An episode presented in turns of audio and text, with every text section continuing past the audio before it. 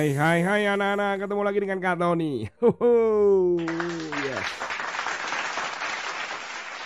Beberapa waktu lalu, ya mungkin bukan beberapa waktu sih, memangnya bertahun-tahun yang lalu, kalian ingat ada sebuah permainan yang sempat menghebohkan dunia, yaitu Pokemon Go. Permainan yang sempat viral untuk mencari atau melihat menangkap monster-monster yang ada berkeliaran dengan menggunakan sistem aplikasi game dan bisa dilihat hanya ada di game dan monster itu bisa ditangkap di mana saja posisinya begitu. Permainan ini sempat heboh di seluruh dunia. Bahkan banyak anak-anak juga memainkannya. Tetapi karena permainan ini yang ada di handphone saat itu bisa-bisa menjadi banyak orang celaka. Dan bahkan negara-negara ada yang melarang permainan Pokemon Go ini di negaranya. Ada kejadian yang menarik sekali ada dua orang polisi yang bernama Lois Lozano dan Eric Mitchell. Dia adalah polisi Los Angeles. Wah. Polisi ini ternyata baru-baru ini dipecat anak-anak hanya gara-gara bermain Pokemon Go. Mengapa demikian? Karena polisi ini diperintahkan oleh komandannya untuk mencari perampok yang ada di dekatnya. Terjadi perampokan di sebuah pusat perbelanjaan Masis. Dan ternyata saat itu ada perampok yang jumlahnya banyak anak-anak. Dua polisi ini ada posisinya dekat di situ diperintahkan oleh komandannya diharapkan segera cari tangkap perampok itu. Nah, anak-anak, ternyata Pak Louis ini dan Pak Erik tidak lari menangkap perampok, malah lari menangkap monster Pokemon. Karena kebetulan monster yang mau ditangkap oleh dia adalah termasuk monster yang langka anak, Snorlax dan Togetic.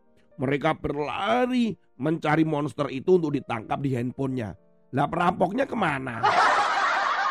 Ya perampoknya bebas, tidak ditangkap siapa-siapa dong.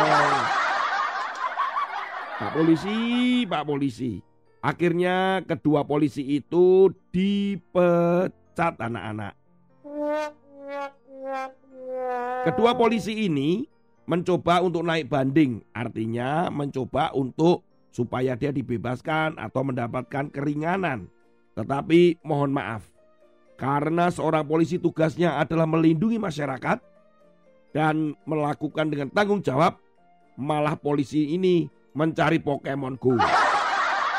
Bermain berdua cekikik-cekikik lagi. Aduh, Pak Polisi, Pak Polisi. Nah, anak-anak, kita juga harus begitu. Apa sih yang kita cari di dunia ini? Banyak orang mencari ini, mencari itu. Kedua polisi tadi mencari Pokemon Go, monsternya itu. Ya, dipecat lah. Firman Tuhan terbaca di dalam Amsal pasal yang ke-18 ayat yang ke-15. Hati orang berpengertian memperoleh pengetahuan dan telinga orang bijak menuntut pengetahuan. Firman Tuhan hari ini mengingatkan kita untuk apa yang mau kita cari. Ada anak-anak sekarang ini males belajar. Buat apa belajar? Apalagi Kak Tony pernah menemukan ada anak yang tidak mau sekolah. Ketika ditanya kenapa kamu tidak mau sekolah? Eh malah anak ini mengatakan begini. Itu ada penemu-penemu di dunia yang tidak sekolah saja bisa pinter. Kalau begitu, kenapa saya mesti sekolah? Tuh lihat tuh, ada orang yang cuma lulusan SD tapi bisa kaya, bisa sukses. Jadi buat apa saya harus ke SMP, ke SMA? Gak perlu sekolah. Anak-anak, kalau kita ingat ilustrasi tentang pengetahuan, pengertian, dan hikmat, kalian akan bisa mengerti ini. Jadi untuk mendapatkan pengetahuan, mendapatkan pengertian, mendapatkan hikmat itu harus belajar. Bagaimana kita bisa tahu hikmat yang kita baca adalah Alkitab kalau tidak belajar membaca? Bagaimana kita bisa tahu tempat-tempat yang ada di Alkitab kemudian kita belajar namanya ini, artinya itu kalau tidak kita belajar. Jadi kita untuk mendapatkan hikmat pun pertama harus mendapatkan pengetahuan. Kalian harus belajar. Saat ini belajar apa? Matematika, ada yang belajar sains atau ilmu alam. Belajar dulu. Dari belajar itu, ilmu-ilmu itu mulailah digunakan untuk sesuatu yang berguna. Itu pengertian. Kemudian dilakukan itu boleh atau tidak, itulah hikmat.